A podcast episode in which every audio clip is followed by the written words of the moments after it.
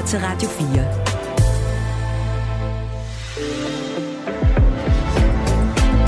Velkommen til Mandat. Din vært er Katrine Eidel.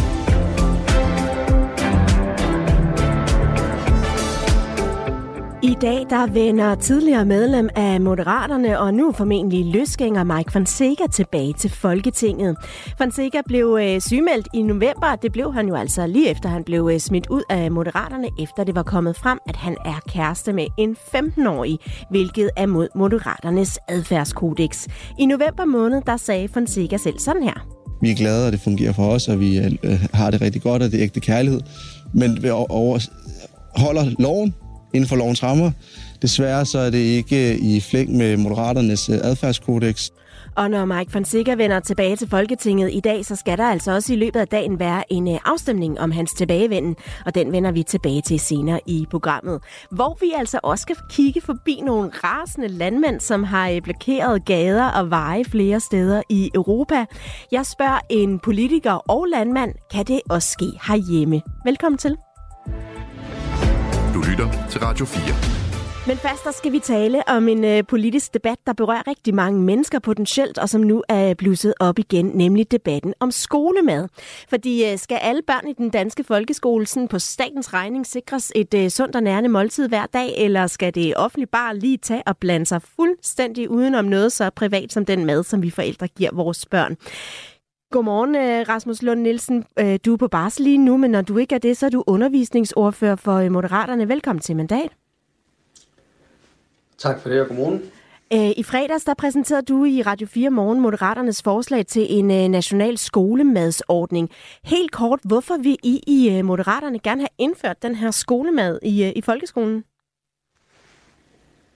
Det vil vi først og fremmest, fordi det er et effektivt redskab til at mindske den store ulighed i sundhed, som er i dag. Og 25 procent af alle madpakker smides ud, og det vender den tunge ende nedad. Øh, det påvirker elevernes læringsparathed negativt. Øh, så, så det vil gøre noget rigtig godt for dem, som måske øh, kommer fra lavindkomstfamilier og ikke har de samme forudsætninger som andre. Tidligere i den her uge, efter at øh, du og Moderaterne havde præsenteret det her forslag om øh, skolemad i Radio 4 morgen, så lød det altså sådan her på øh, TV2, da Radikale Venstres politiske leder Martin Lidegaard sagde sådan her, mens han stod og smurte en madpakke. Vores forslag, øh, det kommer fra børnenes skyld. Det er den grund til at lægge skuld på. Og vi er jo blevet inspireret af Sverige og Finland, der har indført det her for et godt stykke tid siden og har gode erfaringer, især for de socialt udsatte børn. Ja, i kølvalget på øh, Moderaternes forslag, så præsenterede Radikale altså også et forslag om, at de godt kunne tænke sig gratis skolemad i alle landets øh, skoler. Og de to forslag har altså fået øh, debatten til at rulle, og nu ruller den videre her i mandat. For uden Rasmus Lund Nielsen fra Moderaterne, så har jeg også to andre undervisningsordfører med på linjen. Helena Artmann, undervisningsordfører for Liberal Alliance. Velkommen til mandat. Mange tak. Du har selv gjort det, og flere af dine partikolleger har også markeret sig ret kraftigt mod skolemad på, øh, på X. Hvorfor er det en dårlig idé, ifølge jer i Liberal Alliance? Jamen altså, for os der leder det lidt op til en større debat om, hvor meget skolen skal tage sig af, som der i altså vores øjne er forældrenes opgave. Er det skolen, der skal opdrage vores børn? Er det skolen, der skal lære vores, vores børn at køre på cykel? Og er nu også staten, der skal spørge børnenes madpakke? Det mener vi ikke. Men hvorfor øh, et skolemad, et øh, sundt og varmt måske øh, øh, måltid i løbet af mm. dagen, hvorfor, øh, hvorfor betyder det, at skolen så tager noget fra forældrene? Jamen det er igen med, hvor mange altså, øh, krav vi også ønsker at lægge ned over vores folkeskole. Men jeg er helt enig i, at vi bliver nødt til at finde nogle løsninger for de børn, der kommer for socialt udsatte hjem, hvor der ikke engang er overskud til at give deres børn en madpakke med i skole. Altså der synes jeg, at vi skal gå ind og finde nogle lokale løsninger. Men derfor mener vi ikke, at, at, at vi, vi skal huske på, at det her det er altså ret dyrt. Altså, jeg tror, Moderaternes forslag er en milliard, og radikale det er 3,3 milliarder, vi skal bruge på det. Og der vil jeg altså hellere bruge på det for at udligne uligheden i, øh, i fagligheden, så man også kan se, at øh, der er deres børn, der kommer på socialt udsatte hjem, der ikke bliver løftet ordentligt. Også velkommen til dig, Lise Bertelsen, undervisningsordfører for øh, Konservativ. I står også et andet sted end radikale og moderaterne på det her spørgsmål om skolemad. Hvorfor synes I ikke, at det er en god idé? Jamen lidt i forlængelse af det, der allerede er sagt, så synes vi ikke, at det er en statslig opgave. Og det der med at kalde det gratis skolemad, det synes jeg også, det er sådan lidt misvisende. Hvorfor det? Det er jo øh, en øget skat. Øh, de der 3,3 milliarder, hvor skal de lige findes henne? Øh, så, øh, så, så punkt et, så er det ikke gratis skolemad. Øh, punkt to, så synes jeg også, det er alt for stort et ansvar at give vores øh, skoler. Øh, vi ved, at øh, 10 procent af befolkningen, de for eksempel lider af laktoseintolerans, og 1% har glutenallergi. Jeg har stået for mange, mange børnefødselsdage og smurt, jeg ved ikke, hvor mange madpakker i, til mine tre børn. Øh, og øh, børnefødselsdage, det kan være simpelthen svært, fordi børn de har forskellige behov, øh, de har forskellige allergier, og jeg ved ikke hvad. Og det mener vi simpelthen ikke, skolen skal stå med. Øh, vi mener tværtimod, at det er forældrenes ansvar at sørge for, at deres børn de får noget rigtig sund og god kost, øh, også når de er i skole. Men, men det er jo fint, at det er forældrenes ansvar, men når de nu, nogle forældre måske ikke øh, formår at leve op til det, kunne det så ikke netop være skolen, der skulle gøre det, Lise Bertelsen? Nej, jeg mener stadigvæk ikke, det er skolens ansvar, men jeg mener selvfølgelig, at de familier, hvor at ressourcerne er knappe, der skal man sætte ind, men det gælder jo langt fra alle familier. Altså, når jeg har været rundt på skoler og set de madpakker, børnene har med, så er der både gulerødder og agurker, og jeg ved ikke hvad.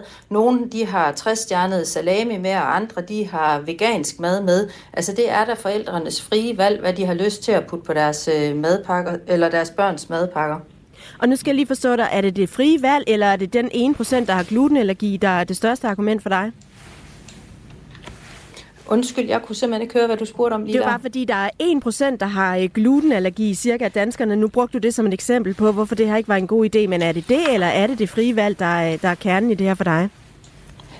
Det, det er jo absolut det frie valg, men jeg tænker ikke, at, at ting de kan ikke øh, isoleres øh, set kun øh, være på grund af én ting. Jeg synes, det er mange faktorer, der taler ind i, at staten ikke skal bestemme, hvad børn skal have med på madpakke.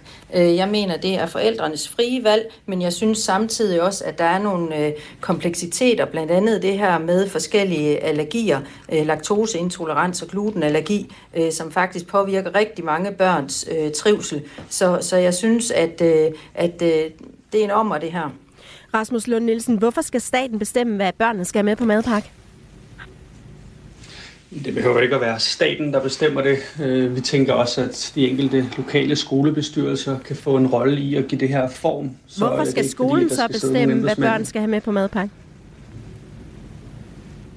Jamen, der er jo øh, en ret stor fordel i, at vi øh, simpelthen anvender et øh, meget simpelt princip om, om arbejdsdeling, øh, i stedet for at alle familier er presset i dag med at skulle smøre de her madpakker, så er der jo store øh, stordriftsfordele forbundet med, at det kan være på et øh, lokalt øh, skolekøkken, at det foretages, og øh, eleverne kan blive inddraget i det. Øh, forældrene kan blive inddraget i det. Skolebestyrelsen består jo i høj grad af forældre, så de kan selvfølgelig også få noget at skulle have sagt i forhold til, hvad er det, der skal serveres, og man kan måske inddrage nogle i øh, lokalsamfundet. Jeg ved, der er skoler, hvor de bruger nogle pensionister til at servere maden, og det fungerer rigtig godt, så, så det er jo ikke fordi, at det skal være helt centralt bestemt, øh, ned til mindste detalje om, hvad noget skal der serveres. Det, det kan der være masser af lokal medbestemmelse i. Helena Artmann, på øh, Ekstra skriver du øh, tre latterlige argumenter for skolemad, nemlig et øh, øget arbejdsudbud på 2400 personer ved, at forældre bruger mindre tid på at smøre madpakker. Det gør det nemmere at være karrierekvinde, og så kan øh, og skal alle spise øh, vegansk. Men hvad med argumenterne om større lighed og bedre ernæring? Giver du ikke noget for det? Altså, jeg køber da helt sikkert, at der også er, altså, kan være positive ting ved det her. Men jeg synes også lige, man skal huske på, at på langt de fleste skoler er der altså mulighed i dag for at tilkøbe frugt, frugtordning, skolemælk og altså skolemad, som forældrene selv kan vælge at, at tilkøbe. Men altså, jeg synes bare, det, at for mig er det bare allervigtigst, at når vi taler om ulighed, at vi også taler det omkring fagligheden. Og det er et ret dyrt tiltag det her, og så vil jeg altså bare hellere prioritere de midler på, at vi får løftet nogle af de børn op, der har det svært i skolen. Ved, hvor altafgørende det er, at man kommer ud med en god folkeskoleeksamen, og desuden så sætter det faglige sig altså også i de sociale. Så det, det, det, det er det, jeg vil prioritere. Men er det en modsætning? Kan man ikke øh, både få øh, bedre faglighed og øh, skolemad? Jamen, så, så skal vi bare finde endnu flere penge. Altså, det, det er jo det, det handler om. Det er en prioritering. Rasmus Lund Nielsen, er jeres, Må jeg, må jeg sige noget til det? jo, Altså. ja, er jeres argumenter latterlige, vil jeg lige høre dig? Nej, og hvis vi skal tage det modargument, at øh, man hellere vil prioritere fagligheden, det er jo netop det, man vil kunne gøre ved at sikre, at alle får nærende kost. Altså som jeg nævnte før, så vender det her den tunge ende nedad i dag med, at der er så mange for lavindkomstfamilierne, som får enten meget øh, lidt nærende mad med, eller ingen mad med. Øh, ved at de får noget sund mad, så sikrer vi jo, at deres læringsparathed kommer til at blive løftet markant. De vil komme til at kunne lære meget mere. Så derfor vil de også kunne klare det bedre fagligt, så det hænger jo sammen. Vi ved jo fra forskning, at det at spise grønt, det øger både ens mentale helbred, det øger ens kognitive funktionsevne, så det giver jo ikke nogen mening at sige, at man hellere vil prioritere fagligheden, når det her netop vil kunne løfte fagligheden blandt dem, der er øh, fra lavindkomstfamilierne. Hvad siger du til Det Helena Hartmann? Hvad? Hvad siger du til det, Helena Hartmann?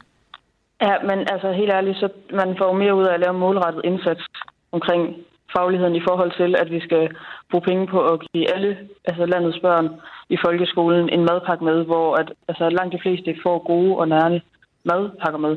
Og ellers så må man jo, altså Fødevarestyrelsen synes, jeg har lavet nogle fine anbefalinger. Der er flere og flere skoler, der er politikker øh, omkring øh, sunde madpakker, hvad man må have med, og hvad man ikke må have med. Men altså helt ærligt, så vil jeg hellere gøre en målrettet indsats på at løfte de elever op, der har det svært fagligt, end jeg vil bruge pengene på at give madpakker til alle børn. Lise Bertelsen, Men det er ikke rigtigt, det du siger, Helene. Altså, altså 65 procent af eleverne i dag føler sig sultne i skolen, og det påvirker, hvor meget de kan lære. Og det er jo især dem fra lavindkomstfamilierne, hvor de er, de er ramt på det her område. Jeg vil bare gerne vide, hvad vil Liberale Alliance gøre for at løfte den sociale mobilitet? Det her det er noget af det, der kunne løfte den allermest. Vi kan se for lavindkomstfamilierne, der vil børnene altså komme til at øge deres livsindkomst med 6 procent. Det vil være en ret markant øh, ja, gevinst, vi vil kunne få øh, via det det får du lige lov at svare på, Helena Artmann, og så får jeg Lise Bertelsen med ind i debatten bagefter.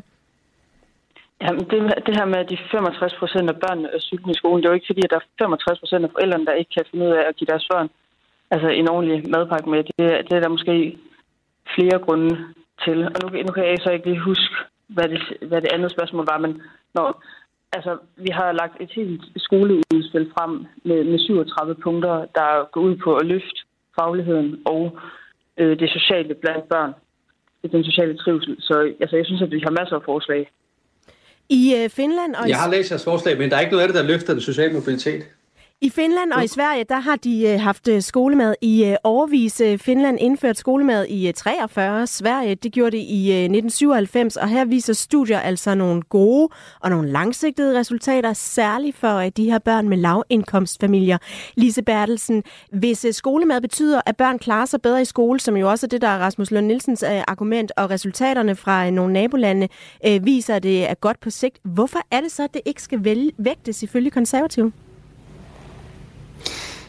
Jeg, jeg er nødt til lige øh, at give en kommentar, før jeg svarer på det her. Øh, I forhold til, at moderaterne de hellere vil stordrift frem for, hvad der foregår i familierne, hvor man sidder og taler om, hvilken mad man godt kan lide, og hvad man gerne vil have indflydelse på som barn, så tager man simpelthen ansvaret væk fra familierne ved, at man påstår, at man kan øge arbejdsudbuddet osv. Jeg tror ikke på, at øh, forældrene de bliver længere tid på arbejde, fordi at de kan undgå at stå og smøre en øh, god og sund madpakke sammen med deres børn og tale om, hvad er det egentlig forskellen er på en gulerod og en øh, frikadellemad. Altså kom nu lige ind i kampen med det. Og i forhold til det her, som du spørger om med Sverige og Finland, så tænker jeg, at det har været rigtig, rigtig godt for Sverige og Finland. Vi har nogle andre strukturer i Danmark, hvor at øh, vi faktisk værner om os øh, selv at få lov til at smøre vores mad til vores børn, og det synes jeg, det skal fortsætte. Der, hvor der så er problemer, og der, hvor man ser problemer i forhold til få enkelte, der ikke kan koncentrere sig, fordi de ikke får mad med. Lad os nu gribe fat om dem og hjælpe dem, frem for at det skal gå ud over alle danskers madvaner og alle børns indflydelse på, hvad de godt kan lide og hvad der er sund og nærende kost. Den debat ud i familien, den tror jeg er rigtig vigtig, at vi ikke fratager familierne også. Men det, de, de familier, du øh, taler om her, hvor man måske har en samtale om netop, øh, vil jeg gerne have gulerod med, vil jeg gerne have en øh, frikadelle med på madpakken, det er måske netop dem, der har ressourcerne til at stå for det her. Hører jeg dig sige, at du egentlig synes, at skolemad er en god idé, hvis man øh, målretter det dem, der har behov for det, Lise Bertelsen? Jeg tænker, at allerede nu, der har man faktisk muligheder for på de fleste skoler at tilkøbe skolemad, og så kan det godt være, at man skal lave nogle ordninger for lige præcis de børn. Jeg har da også været ude i øh, mange institutioner, hvor man har en øh, skål med havregryn til dem, man ved, der ikke lige får morgenmad fra morgenen af.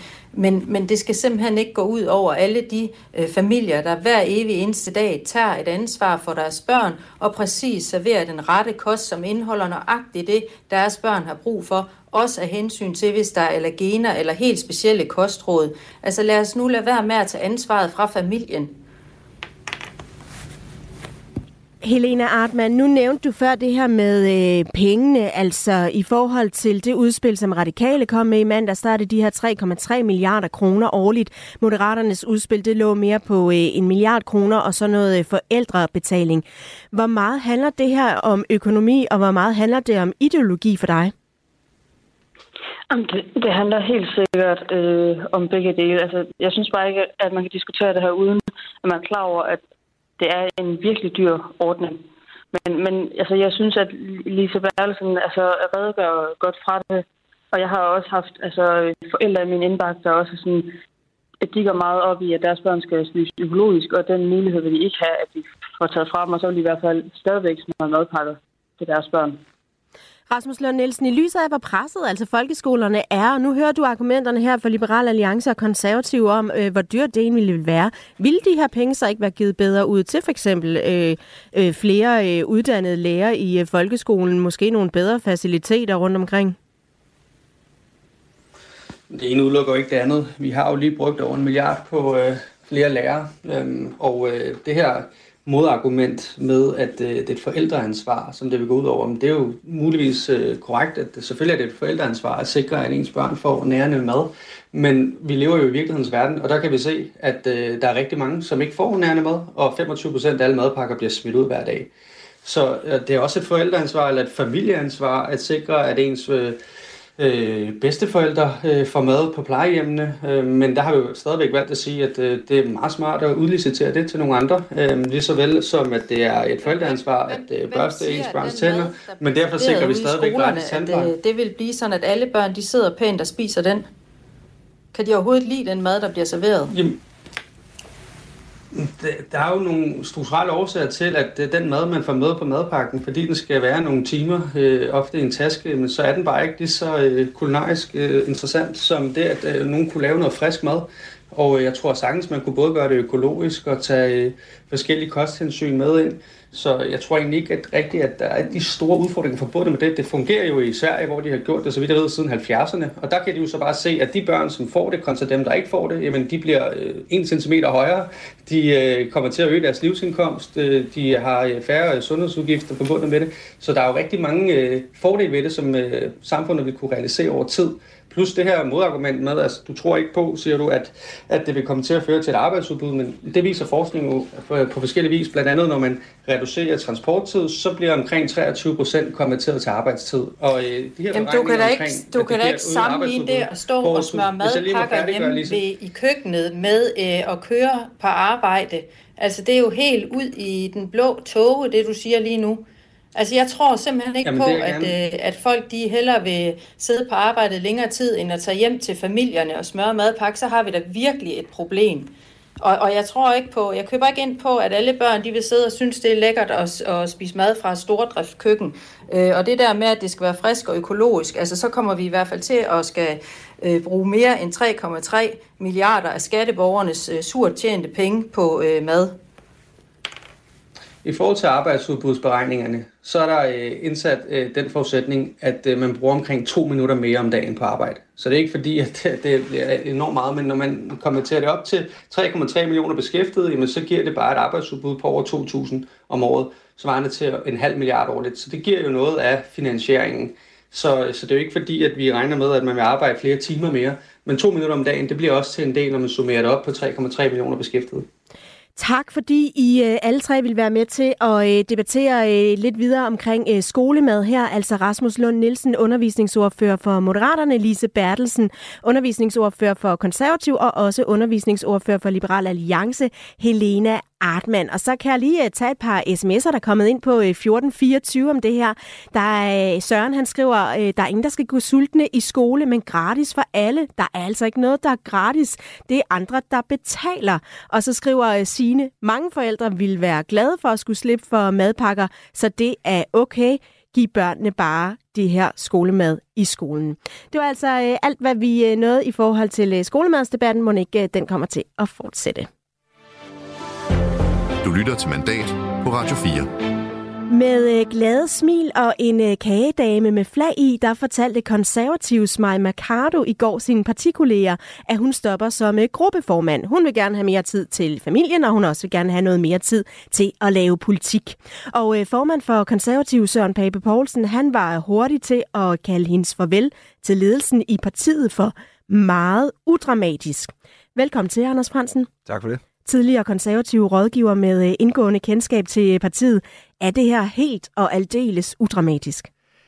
Ja, i den forstand, at øh, Maja Mercado smækker jo ikke med døren eller forlader partiet, fordi hun er utilfreds med linjen eller øh, den politiske kurs eller med lederskabet i øvrigt. Så på den måde er det udramatisk. Så er det selvfølgelig klart, at når det foregår på et tidspunkt, hvor man kan sige, at konservative fik et dårligt valg, og et valg, der lå langt over, under, hvad de havde håbet på, og hvad deres forventninger var øh, sidste gang, jamen så alle sådan nogle forandringer bliver selvfølgelig i en øh, mediekontekst læst ind i, er der usikkerhed i partiet, er der nogen, der ikke har lyst til at være med mere osv., men i forhold til det, der sådan er partiets indre liv øh, og alt, hvad der knytter sig til det, der tror jeg egentlig, det er ganske udramatisk.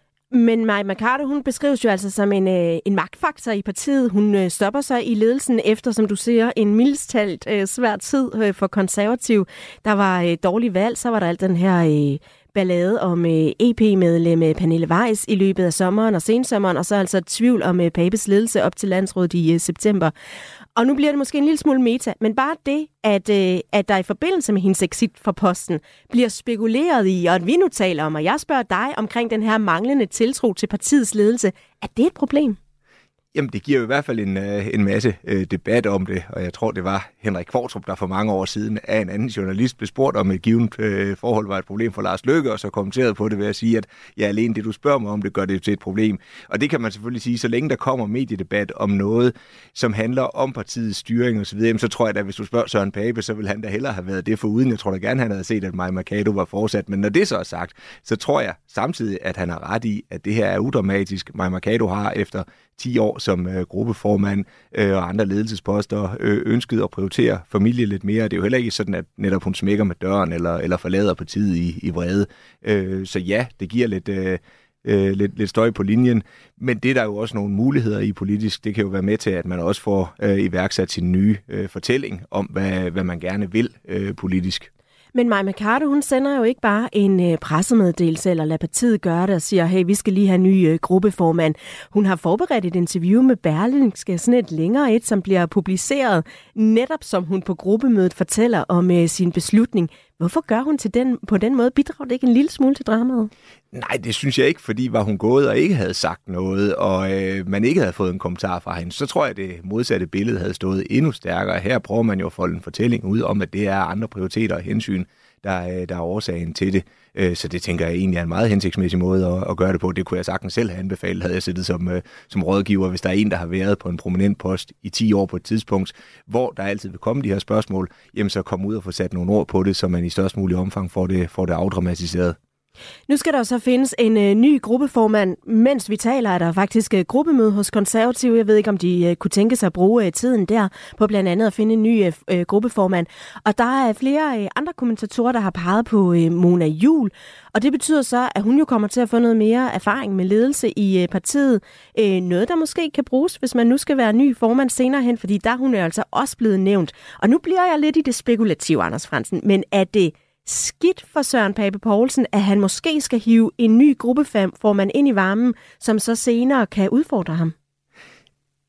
Ikke nødvendigvis, fordi igen, Altså, og det skal, tror jeg også, man skal huske på. Jeg har jo været i det konservative Folkeparti i mange år rundt omkring det. Og når man har haft faser, hvor der har været dårlige målinger eller dårlige valg, og der har været utilfredshed, og der har været mange knyttede hænder i lommen rundt omkring i, uh, i partiorganisationen, så hører man det meget tydeligt. Det må man altså bare sige, det hører man ikke i særlig stor udstrækning i dag. Man hører det ikke i Folketingsgruppen, og man hører det heller ikke i særlig stor udstrækning i, i baglandet. Så det at få en ny dygtig øh, politiker ind, der har profileret sig i konservative, og det har hun jo gjort blandt dem, der er, jamen der tror jeg da egentlig, hun er et, øh, et oplagt øh, valg til det.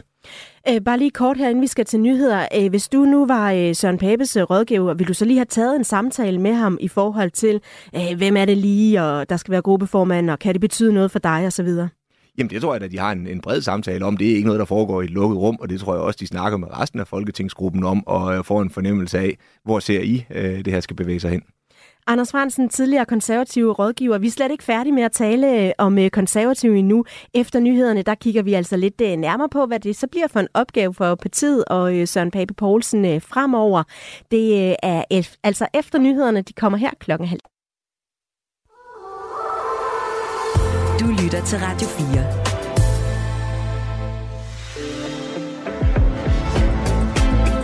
Velkommen til Mandat. Din vært er Katrine Eidel.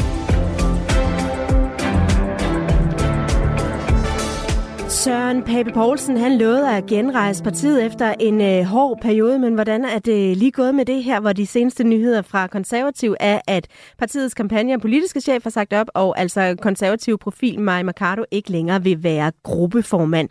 Det taler jeg videre med øh, Anders Fransen om, tidligere rådgiver for øh, flere konservative ministre og kender af partiet.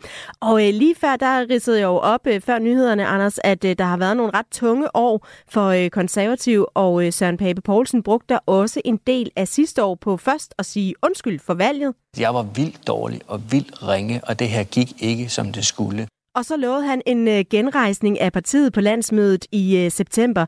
Som du ser det, Anders Fransen, er der en, kommet nogle tydelige tegn på en genrejsning af konservative? Kigger man på meningsmålinger, må man sige, der ligger man nogenlunde på det niveau, man øh, endte på i valgkampen.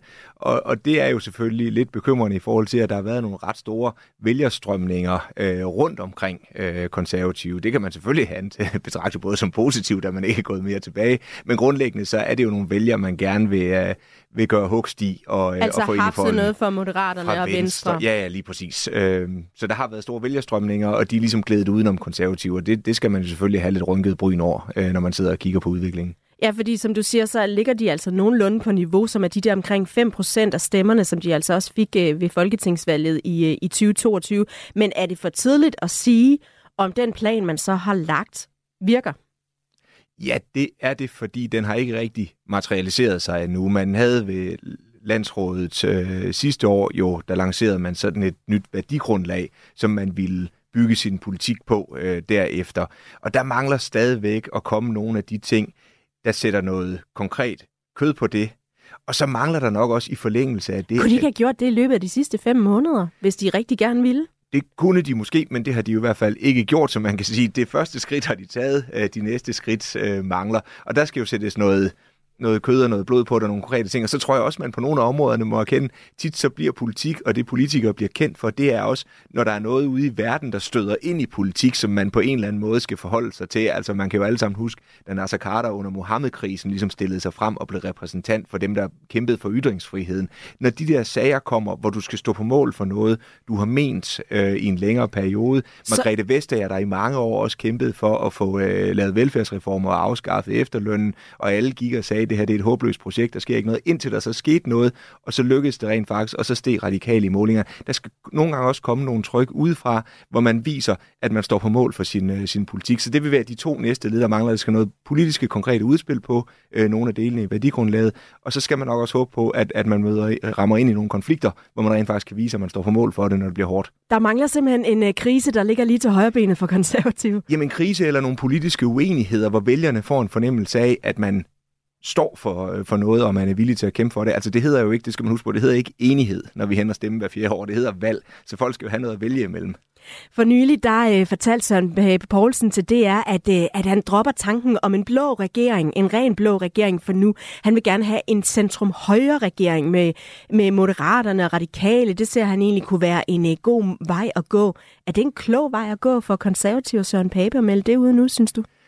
Jeg tror, man skal passe på i det meget brogede landskab, der også er i borgerlig blok, og komme med alt for klare meldinger øh, om, øh, hvor man mener, at en eventuel blå regering kan, kan placere sig efter et valg. Fordi du vil jo stadigvæk skulle have øh, både øh, Dansk Folkeparti, Danmarksdemokraterne og måske også nye borgerlige til at støtte op om noget, der så eventuelt også skal indeholde det radikale venstre. Det er, det er at strække bukserne meget langt, øh, hvis, øh, hvis, hvis det skal lykkes. Øh, så jeg tror, man lige så langsomt skal bevæge sig hen mod valget, se hvordan det udvikler sig, og er der noget, der materialiserer sig til at være et blot flertal, så skal man se, om man kan få det til at, at hænge sammen.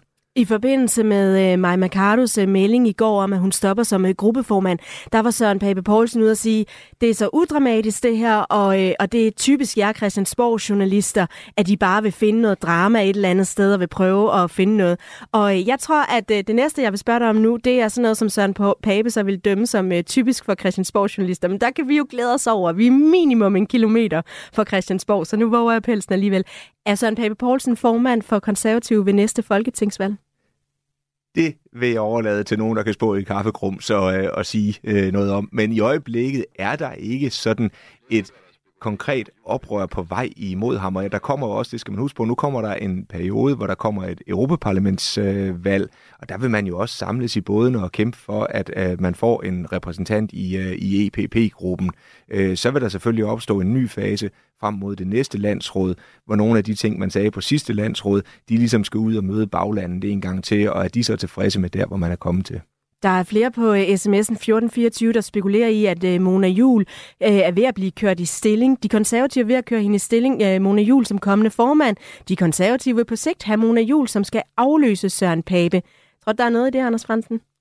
Jamen, Mona Jul er en af dem, der bliver nævnt, og der er jo ikke nogen partiformænd, der sidder øh, evigt. Det gælder i alle partier på et hvilket som helst øh, tidspunkt. Men der er ikke, af min bedste fornemmelse for indeværende, sådan et, et, et oprør på vej eller imod, men, men det er selvfølgelig klart, at alle vil gerne have, at tingene løfter sig. Man vidste, at man fik et, øh, et dårligt valg øh, sidste gang, øh, så, så noget skal selvfølgelig blive, blive bedre. Tak fordi du var med, Anders Fransen, tidligere konservativ rådgiver. Du lytter til Radio 4. Måske fordi du altid holder den mulighed åben, at det også kan være dig, der tager fejl. Radio 4. Ikke så forudsigeligt.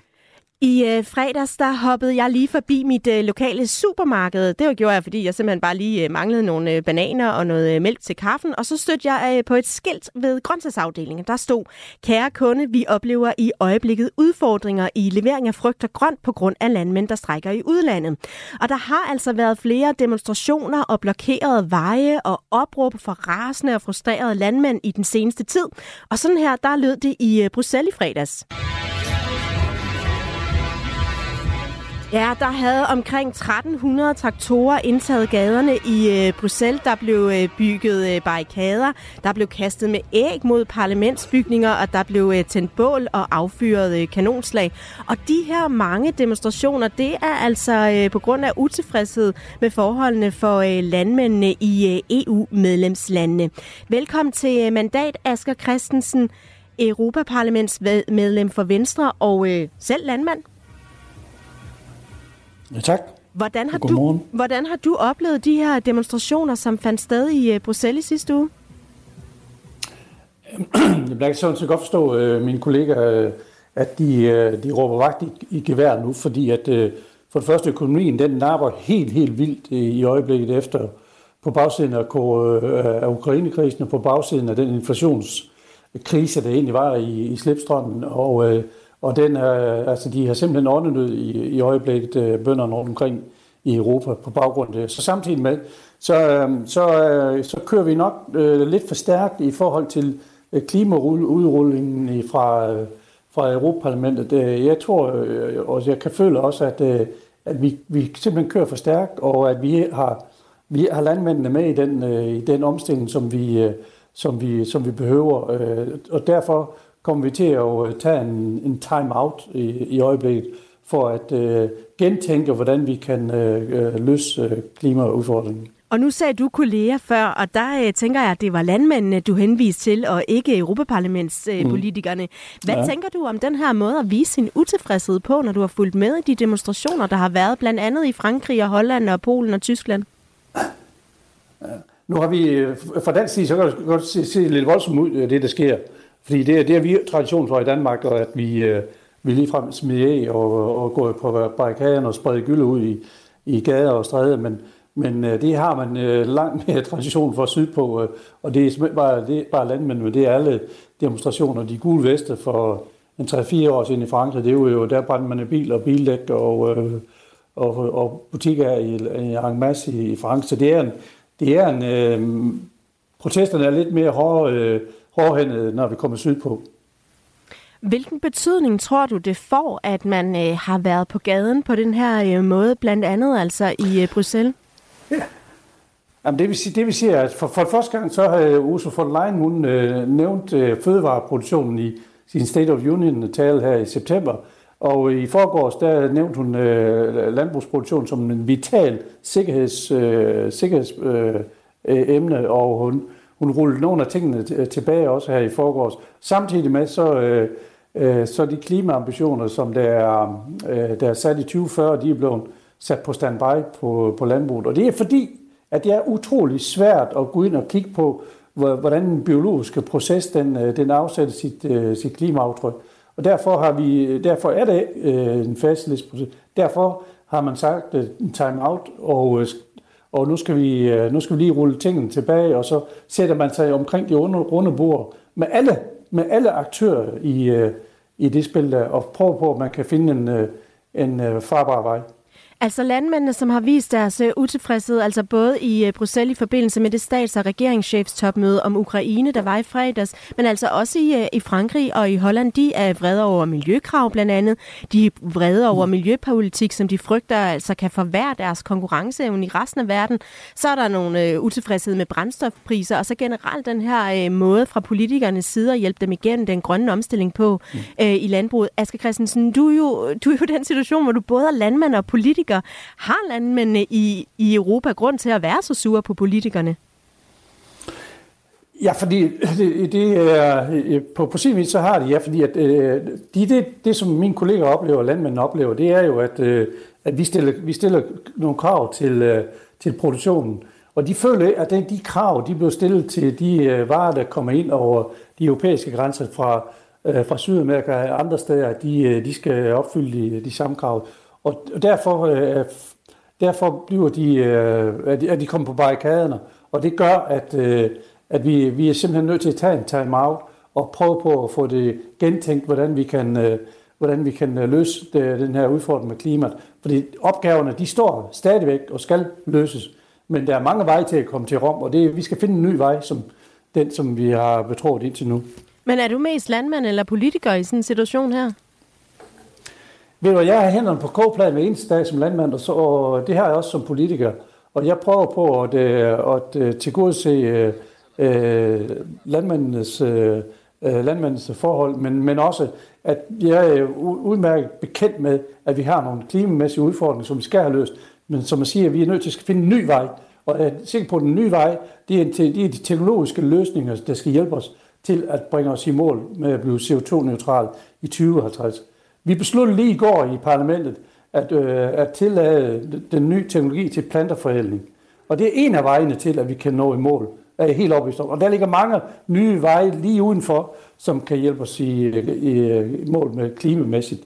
Og det ser jeg meget frem til, at det er den vej, vi skal. På nogle af de øh, banner, som øh, demonstranterne i fredags havde med, der stod der, vi kan ikke producere jeres mad, hvis I slår os ihjel. Og der var også et, hvor der stod, den grønne plan for EU slår os ihjel. Det er sådan en lidt bombastisk øh, retorik, mm. synes jeg. Har de ret i det? Mm.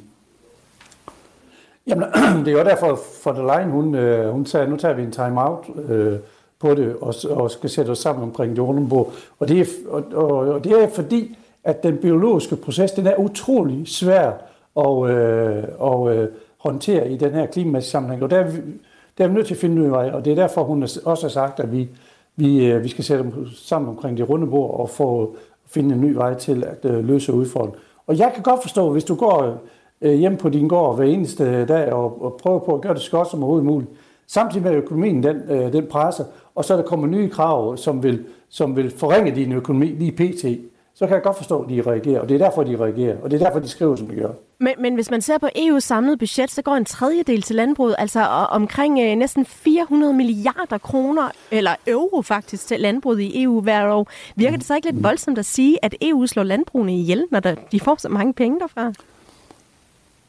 Jo, men det er jo, det er jo, det er som, øh, det, det er jo en, en, en indkomsttilskud til, øh, til at producere fødevarer. Og derfor, øh, men det, det er bare nok, øh, fordi at det øh, når der kommer produkter ind fra, øh, fra Sydamerika og andre steder, så er de jo væsentligt billigere end det, vi kan producere til inde i Europa, fordi der ligger de, øh, der ligger de øgede krav til den europæiske produktion, som, som der gør andre steder. Og så skal man også lige tage en notum, der forsvinder 800 landmænd i hele Europa hver eneste dag. Og det er fordi, at for det første økonomien, den presser dem, og de, og de krav, som vi stiller, der, der presser dem. Så vi, skal, vi, vi er simpelthen nødt til at tage en time-out lige nu. Og nu har vi jo så set uh, blandt andet altså belgiske og tyske og franske og hollandske og polske landmænd råbe op og kræve, at uh, politikerne i Europaparlamentet lytter til dem. Men hvad med de danske landmænd, Asger Christensen? Har du en fornemmelse af, hvor de står i den her utilfredshed og kritik? Øh, I, i, i øjeblikket der er, det, der er det forholdsvis ro i, i Danmark. Og, og det er det er fordi, at vi er, vi er, vi er faktisk en skridt længere frem i den, i den øh, øh, omstilling, som, som, øh, som, der, som vi skal have. Øh, og jeg tror, det, jeg tror det, det, har, det har en, en betydning. Så tror jeg også, det har en betydning, og det har det, det ved jeg. At vi er, vi er væsentligt længere frem i digitaliseringen, væsentligt længere frem i, i at bruge ny viden til, øh, til landbrugsproduktion, og vi har læst væsentligt længere frem i den der strukturudvikling, som der øh, uomtvisteligt er i, øh, i, i landbrugsmæssig sammenhæng. Altså vores bedrift er, er væsentligt mere, mere effektiv, væsentligt mere øh, øh, online med, med, med tiden, som vi er, som vi er længere ned i Europa. Og det kan jeg se, det bliver en af de helt store udfordringer. Det er, altså, hvordan vi får den europæiske landbrug med på digitaliseringsmode, øh, mode, fordi det er den vej, vi skal gå, for at vi kan komme i mål med klimamæssige men, det tager jeg også. Men tror du, vi kan komme til at se danske landmænd på øh, deres traktorer køre mod øh, Christiansborg og Slottsholmen og øh, demonstrere? Det kan man aldrig vide. Det er før sket. Lige pludselig er der en sag, som der, der tænder landmændene, og det, det kunne jo, altså hvis, hvis CO2-diskussionen i Danmark ikke, hvis den er faldet uheldig ud, så kunne det være en af dem, der kunne tænde til, til bålet, men det vil jeg, det vil jeg kloge i. Hos øh, Landbrug og Fødevare, der tager man afstand fra øh, de her demonstrationer i Bruxelles, og der siger man også, at man frygter faktisk, at noget lignende kan ske i Danmark. Det øh, skriver altinget.dk. Øhm, men er der noget at frygte? Altså, ville det være så slemt, Asger Christensen, som du ser det, hvis der også var demonstrationer i Danmark i forhold til det her? Altså, vi i Danmark, der, er vi, der har vi øh, øh, tradition for, at vi, øh, vi går så hårdt til værk, som man gør hernede sydpå. Og, øh, og fordi det skulle køre en... Øh, nogle traktorer rundt i København, som der er gjort uh, tidligere, det er, det, er jo en, det er jo en mild form for uh, demonstration, som fortæller, at, uh, at man er utilfreds med et, et eller andet. Så det ser jeg ingen problem i, at uh, hvis det skulle komme der til, at man er nødt til at køre traktoren afsted. Vil du uh, selv være klar til at puste traktoren og, og være med til en blokade, hvis det kommer til det? Det kan afvises. Hvis vi uh, spoler... Hvis det skulle komme dertil. Hvis vi spoler frem for sådan en sidste... Det har jeg før gjort. Men der var yngre. Hvis vi lige spoler frem sådan fra sidste uges demonstration til den her uge, så præsenterede øh, EU-kommissionsformand Ursula von der Leyen jo altså øh, udspil til reduktionsmål for EU, og det var som forventet mm. det her på 90 mm. øh, procent frem mod 2040. Og øh, mens der så kommer til at være tryk på de her ambitioner, så kan det jo altså også få betydning for landmændenes utilfredshed med EU. Det vurderer Ditte Brasso Sørensen. Lad os lige høre, hvad hun siger. Hun er senioranalytiker hos Tænketanken Europa, og hun har sagt følgende til til øh, vores øh, program øh, Verden kalder her på Radio 4. Det, som vi ser nu, er en ulmende vrede i, i landbruget omkring den grønne og miljødagsorden, der kommer fra EU, og den kommer til at accelerere fremadrettet, hvis man skal nå de øh, klimamål, som man har sat sig som, som, som union. Og derfor kan man sige, kommer der til at være tryk på det regulative, der kommer til at være tryk på flere øh, lovgivningsforslag, og derfor kan man også forestille sig, at det her er en position eller en vrede eller en utilfredshed, der kommer til at ramme øh, landbruget generelt. Altså nu øh, er der brug for den her time-out, har du sagt, Asger Christensen, men som både kender det danske landbrug, altså om også altså det EU-parlamentariske arbejde. Hvordan ser du øh, den her øh, konflikt mellem øh, på den ene side de øh, klima, bundne klimaopgaver, der ligger, og øh, krav til landbruget og miljøet i øh, EU, og så øh, på den anden side hensynet til landmændene. Øh, Hvordan ser du det udvikle sig?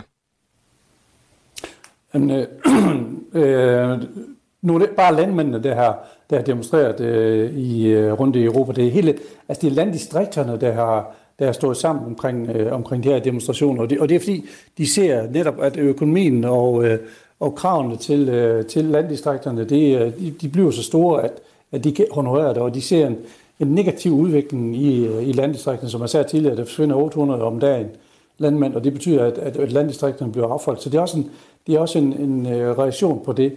Det andet, som, øh, som Ursula von Leyen også gjorde her den anden dag, det var hun, altså klimamålsætningerne øh, i 2040, altså de, de stod stadigvæk ved magt, men øh, hun, øh, hun øh, cancelede øh, øh, landbrugsreduktionsmål, og det er jo der, hun sagde, at vi skal sætte os sammen omkring de runde bord, for at øh, finde en, en ny vej at komme, øh, komme til Rom på. Og det er, det er jeg fuldstændig enig i. Vi er nødt til at prøve at finde en ny vej, som, øh, som tager, tager landmændene i hånden og tager landdistrikterne i hånden fordi det er, det er simpelthen nødvendigt.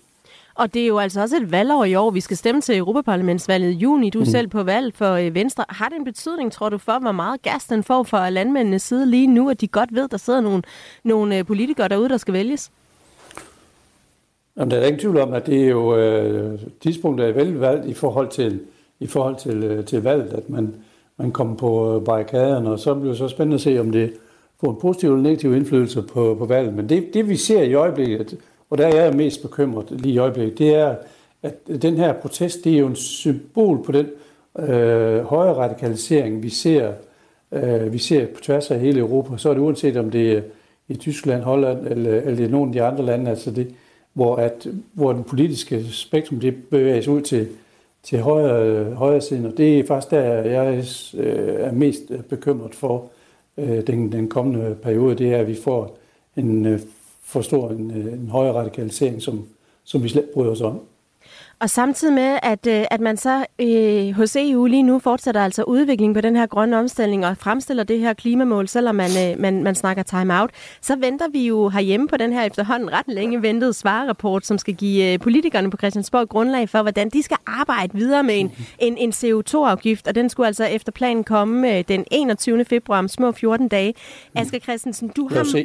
Du har mange kasketter. En partikasket, en parlamentarikerkasket, en landmandskasket, og det er mange mm. både at skulle have på øh, på samme tid, men måske også at tage af. Hvis jeg nu spørger landmanden Asger Christensen, hvad bliver så det vigtigste for landbruget i den nærmeste fremtid i forhold til den omlægning af den grønne, om, eller til den, den grønne omlægning?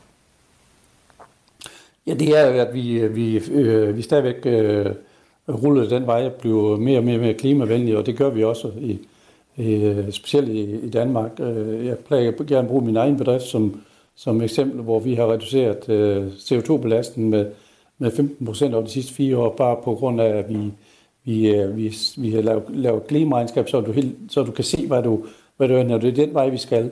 Og så er det jo rigtigt, at svarudvalget lige kom, skulle komme med et, øh, et, et svar her den 21. Øh, 21. februar. Den er jo blevet udsagt rigtig, rigtig mange gange. Og det er fordi svarudvalget er svært ved at svare, fordi det er svært. Øh, og det, det er det, fordi det er en biologisk proces, og det, det er der, vi skal passe på. Vi, vi kører i grøften og vælge nogle øh, metoder, som, som gør, at vi kører i grøften. Og det er det, som også landmænd i Europa de er opponeret imod. Det er, at, at de, de er livsensrej for, at vi kører i grøften med de, øh, øh, med, med de tiltag, som der, der nu ligger. Og det er og det har jeg også som politiker et ansvar for, at, at det ikke sker. Og nu svarer du næsten på den, men du meget Fordi... kort her til sidst lige vil sige, fortæl mig, ja. hvis du ser det med, øh, med venstremanden og politikernes kasket på, hvad bliver så det vigtigste? Det vigtigste er, at vi, vi har en, en, øh, en stabil og en sikker fødevareproduktion, som kan forsyne den europæiske befolkning øh, med fødevarer. Det, er, og det kniver faktisk i øjeblikket, at vi har fødevarer nok til, til den europæiske befolkning. Så det bliver en af, en af hovedpunkterne, det sagde Ursula von Leyen også. Og det næste er, at de bliver aldrig umoderne at spise, så vi kom, og derfor skal vi producere fødevarer så, så, så godt og så CO2-venligt som overhovedet muligt i Europa. Tak skal du have, Asger Christensen, altså EU-parlamentsmedlem for Venstre og også landmand. Tak fordi du var med i Mandat i dag. Du lytter til Mandat på Radio 4. Mike Fonseca, han vender tilbage til Folketinget i dag, efter han har været sygemeldt siden november. Det har han selv bekræftet, efter at han i går skrev en kronik til altinget.dk. I kronikken, der skriver han om øh, sit forhold og sit farvel til Moderaterne. Han skriver blandt andet om sin øh, 15-årige kæreste. Vi elsker hinanden. Regler bliver så underlige ligegyldige, når et par elsker hinanden. Det var jo ellers øh, det her forhold til den 15-årige, der betød, at han i øh, november sidste år blev bedt om at forlade Moderaterne. Og dengang, der sagde han sådan her. Private forhold i forhold til øh, mod Moderaterne, det er, at jeg er i et legalt forhold med, med, med vedkommende, som jeg er sammen med og har samtykke fra, og også for, på grund af den aldersforskel, der er mellem vedkommende og jeg, har jeg også øh, samtykke fra forældrene. Mike Fonseca han har øh, været sygemeldt med øh, stresssymptomer siden november, og øh, symptomer, der ifølge ham selv faktisk begyndt, inden det her forhold til den 15-årige kom frem. Og nu er han altså klar til at vende tilbage til Folketinget. Han understreger selv, at han slet ikke er færdig med politik. I sit indlæg hos Altinget, der skriver han, jeg vil fortsat være tro med mig selv, ikke mindst min kæreste, min nærmeste og mod mit mandat, nu som medlem af Folketinget som løsgænger. Og i løbet af dagen, så skal medlemmerne af Folketinget altså stemme om hans øh, tilbagevenden i Folketingssalen. I dagens program, der står der ud over forskellige første, anden og tredje behandlingerne overlov. Og de her afstemninger, det er øh, helt efter, hvad der altid sker i salen, når et medlem går på overlov, og der skal godkendes en stedfortræder, og når et medlem kommer tilbage. Men måske kunne man godt forestille sig, at øh, den her afstemning i dag får en lille smule mere opmærksomhed, end den øh, slags formsager normalt får. Det er klokken 10, at dagens dagsorden går i gang i øh, Folketingssalen. Og så bliver det altså også lidt spændende at se, hvordan øh, Mike Fonsegas politiske fremtid bliver, fordi både Venstre og Liberal Alliance og Socialdemokratiet, som er partier, som Mike Fonseca Fonseca selv har nævnt som muligheder, de har alle sagt, at han altså ikke er velkommen hos dem. Du lytter til Mandat på Radio 4. Jeg lukker og slukker for øh, dagens mandat. Tak til dagens medvirkende Rasmus Lund Hansen, Lise Bertelsen, Helena Artmann, Asger Frans, Anders Fransen og Asger Christensen. Om lidt der kan du høre Ring til Radio 4, men først der er der øh, nyheder. Jeg hedder Katrine Ejdum. Vi lyttes ved. Du har lyttet til en podcast fra Radio 4. Find flere episoder i vores app, eller der, hvor du lytter til podcast. Radio 4. Ikke så forudsigeligt.